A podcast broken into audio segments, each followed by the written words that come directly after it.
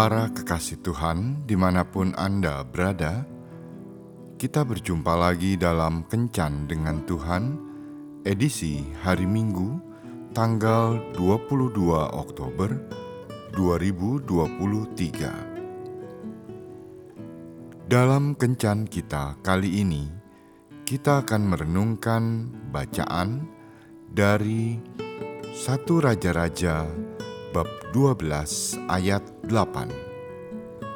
Tetapi ia mengabaikan nasihat yang diberikan para tua-tua itu.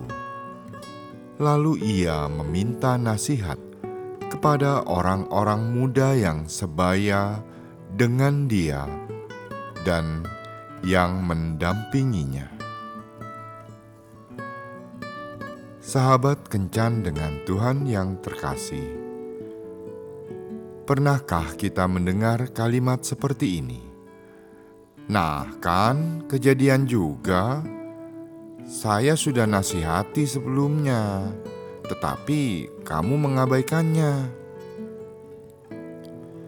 Biasanya kalimat seperti ini muncul ketika orang tua menasihati anaknya yang mengalami suatu kejadian yang tidak mengenakan. Tetapi tidak jarang perkataan tersebut juga dikatakan kepada orang dewasa yang dinasihati oleh teman atau atasannya. Mungkin tadinya orang yang dinasihati tersebut berpikir bahwa dia yang paling tahu akan segalanya sehingga tidak membutuhkan bantuan atau nasihat dari orang lain.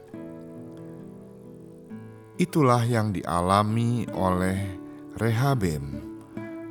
Ia menggantikan posisi ayahnya sebagai raja bangsa Israel setelah Salomo dimakamkan di kota Daud. Namun Rehabem mengabaikan nasihat para tua-tua bangsa itu. Rehabem seharusnya tahu bahwa tua-tua bangsa yang biasa mendampingi Salomo itu adalah orang-orang yang berpengalaman dan bijak. Mereka tahu persis pekerjaan berat yang telah ditanggungkan kepada rakyat selama masa pemerintahan Salomo. Namun, amat disayangkan karena Rehabem lebih memilih mendengarkan nasihat orang-orang muda sebayanya yang tidak dapat memahami penderitaan rakyat. Akhirnya kerajaan Israel pun pecah menjadi dua kerajaan, yaitu kerajaan selatan atau Yehuda dan kerajaan utara atau Israel.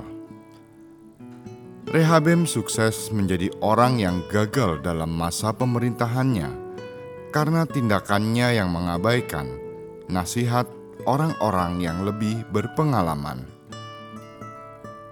Ada beberapa orang yang berpikir bahwa nasihat akan membatasi kesenangan hidupnya, sehingga tidak sedikit orang yang pada akhirnya mengabaikan nasihat dari orang-orang yang lebih berpengalaman, lebih jernih dalam melihat masalah, atau lebih bijak di dalam membuat keputusan. Mereka merasa seperti orang yang sudah tahu segalanya, sehingga pendapat dan nasihat orang-orang ini tidak didengarkan karena tidak masuk hitungan bagi mereka.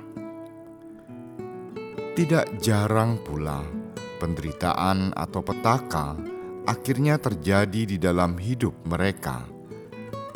Memang penyesalan hidup selalu datang terlambat. Kira-kira itulah yang dialami oleh orang yang selalu mengabaikan nasihat yang baik seperti halnya Rehaben. Bila kita ingin sukses menjadi orang yang gagal abaikanlah setiap nasihat yang diberikan kepada kita. Ikutilah nasihat yang hanya mengedepankan kedagingan dan keinginan kita semata. Bila tidak, ikutilah nasihat yang benar. Tuhan Yesus memberkati. Marilah berdoa. Tuhan Yesus, ajarilah aku supaya menjadi pribadi yang rendah hati untuk mendengarkan setiap nasihat yang diberikan kepadaku. Amin.